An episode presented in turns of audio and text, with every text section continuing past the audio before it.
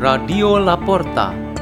The door is open for you for the growing of knowledge and wisdom of God. Delivered by Lukas Damianus Fernandez and Calista Virginia Leo from St. Peter's School in Jakarta, Indonesia.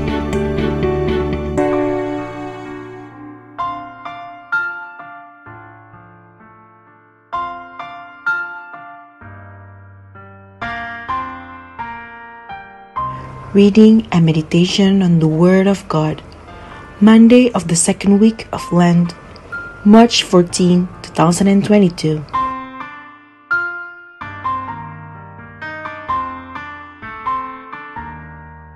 The reading is taken from the Holy Gospel according to Luke. Jesus said to his disciples, Be merciful, just as your Father is merciful.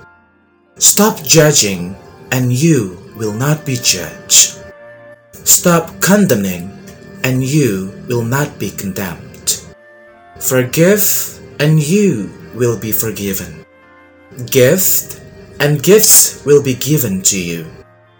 A good measure, packed together, shaken down, and overflowing, will be poured into your lap. For the measure with which you measure will in return be measured out to you. The Gospel of the Lord.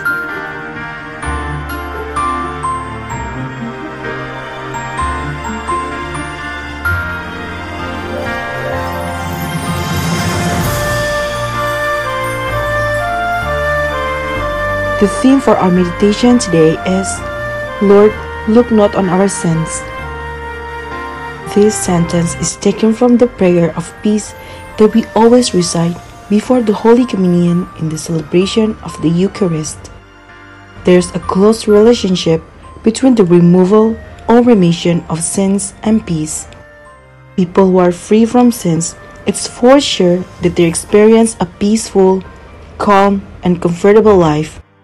In reality, it is not easy to always avoid sins, especially if the sins are from within ourselves, such as from our minds, hearts, and mouths.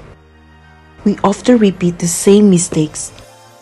If this is not treated with act of repentance and reception of the sacrament of reconciliation, one may feel nice and comfortable living in sins. Consequently, more and more sins accumulated and the person is no longer aware of being a sinner, even though he or she does commit sins. Therefore, the prayer, Lord, look not on our sins, is an expression of our unceasing petition as long as we are still on this world. If God does look on our sins and we are only considered as sinners, we could be as useless as dust that people simply trample on the ground. Instead, we ask God to give attention to the faith of everyone from the people of God. We, as sinners, have our faith that may be even a strong one. This is shown in the act of confession that confirms ourselves as sinners and who have done wrong, as preached in the book of Daniel in the first reading today. Jesus Christ made only one account for our sins by the sacrifice of himself on the cross. What we should try to do now is to fulfill what is obliged from, which is our self confession and renewal of life before God and our neighbor. Our faith does not immediately or automatically erase our sins. In addition to confession of sins that characterizes the faith, we are taught by Jesus to strengthen our faith with virtues so as to free us from sins and evil. Today we are taught on the future of generosity, and we are asked to be generous like the Father in heaven who is generous. One of the main characteristics of a generous person is to be the first to do good through words or deeds. Therefore, to love after being loved or to change love is actually not generosity but fairness or justice. With this quality of generosity, we do not judge, punish, or slander at first moment. Generosity leads us to forgive first, to give first, to take the first step to be right and good person. This is all not to seek promote or entertain ourselves, but because love is very demanding. This can prevent us from increasing our sins. Let's pray.